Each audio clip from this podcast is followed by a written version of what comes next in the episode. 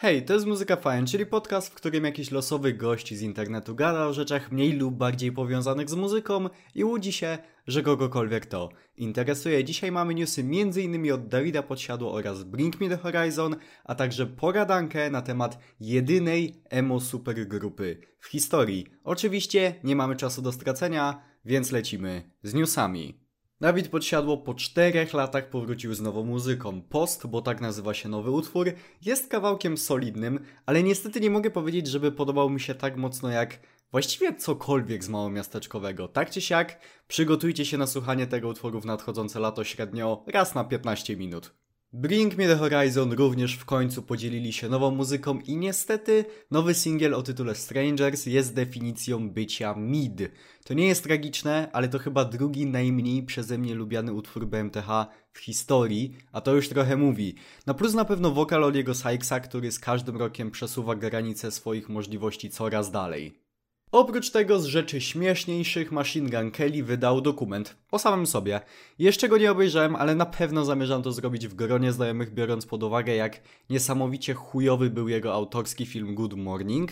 Już z trailera dowiadujemy się, że MGK to podobno najbardziej polaryzujący artysta XXI wieku.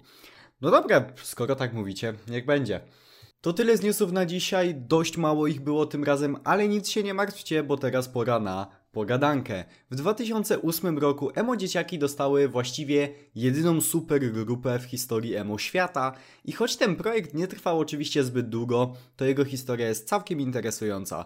Na wypadek jakby ktoś jeszcze nie wiedział, super grupa to po prostu połączenie osób z kilku różnych zespołów, co zazwyczaj kończy się w jakimś 7-8 osobowym składzie.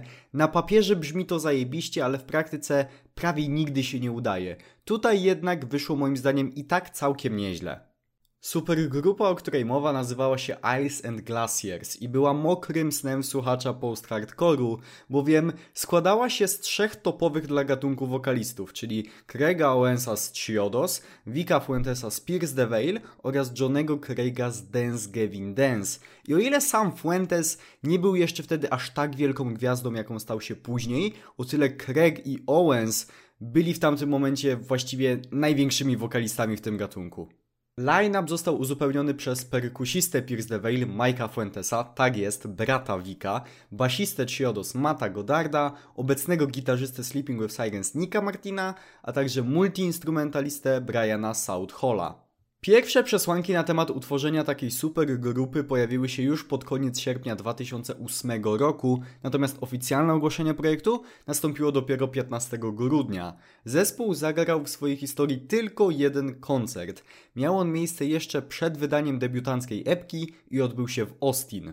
Część z członków zespołu mówiła o chęci grania w przyszłości takich pojedynczych koncertów w nietypowych miejscach, na przykład na Alasce, ale jak pewnie już się domyślacie, do niczego takiego nigdy nie doszło. Skupmy się jednak chwilę na samej muzyce Isles and Glaciers. Zespół był w stanie stworzyć jeden krótki, bo tylko siedmioutworowy album zatytułowany Hearts of Lonely People.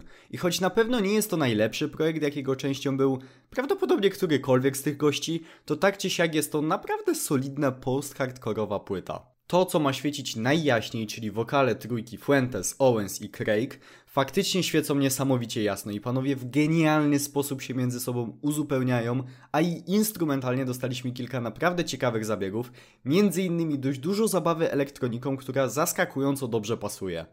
Ostatni utwór, czyli Cemetery Weather, to 7-minutowa ballada, która właściwie w ogóle nie używa gitar, ma tylko elektroniczną perkusję i wszelkiego rodzaju klawisze, synty, a także instrumenty orkiestralne i jest to naprawdę epickie zakończenie tego projektu. Tak jak wspominałem przed chwilą, jest to jedyny projekt Isles and Glaciers. No, to znaczy teoretycznie w 2014 roku wyszła jeszcze kolekcja remixów, no ale bądźmy poważni.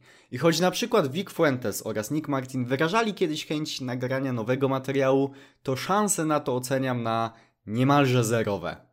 Super grupy mają to do siebie, że bardzo rzadko w ogóle udaje się cokolwiek stworzyć, bo zderzenie wielkich ego i osobowości jest po prostu zbyt mocne, żeby udało się zdziałać coś sensownego. A jeśli znacie choć trochę sylwetki Craiga Owensa i Johnego Craiga, to wiecie, że lekko mówiąc, nie są to najłatwiejsze osoby do współpracy. Sam Johnny został wyrzucony cztery razy z różnych zespołów podczas swojej kariery. Poza tym sporo się przez te ponad 10 lat zmieniło. Dwie osoby ze składu zespołu zostały już właściwie skancelowane i zresztą słusznie, a inni zajęci są swoimi rzeczami. Nie mówiąc nawet o tym, że tak w sumie to ten projekt wcale nie jest aż tak dobrze zapamiętany przez fanów. Dużo osób w ogóle nie ma pojęcia o istnieniu tej supergrupy. Tak więc Ice and Glaciers raczej już na zawsze pozostanie po prostu bardzo ciekawą historią ze świata emo. Przyznać jednak trzeba, że ten gatunek nie widział supergrupy na takim poziomie i wielka szkoda, że Hearts of Lonely People jest najpewniej jedynym albumem, jaki nam po tym projekcie pozostanie. I to tyle jeśli chodzi o dzisiejszy epizod Muzyka Fajem Podcast. Na koniec, jak rasowy youtuber, przypominam o kliknięciu w dzwoneczek, z tym, że na Spotify ten dzwoneczek faktycznie działa. Więc jeśli podoba Wam się ten podcast, to myślę, że warto sobie w ten dzwoneczek kliknąć, bo wtedy na pewno dostaniecie zawsze powiadomienie o nowym podcaście. W opisie tego podcastu oczywiście też znajdziecie linki do mojego serwera Discord, do mojego kanału na YouTubie, na TikToku i tak dalej, i tak dalej. Wszystko tam znajdziecie. Ja już nie przedłużam. Dziękuję Wam raz jeszcze za wysłuchanie tego podcastu i do usłyszenia w następnym epizodzie. Hej!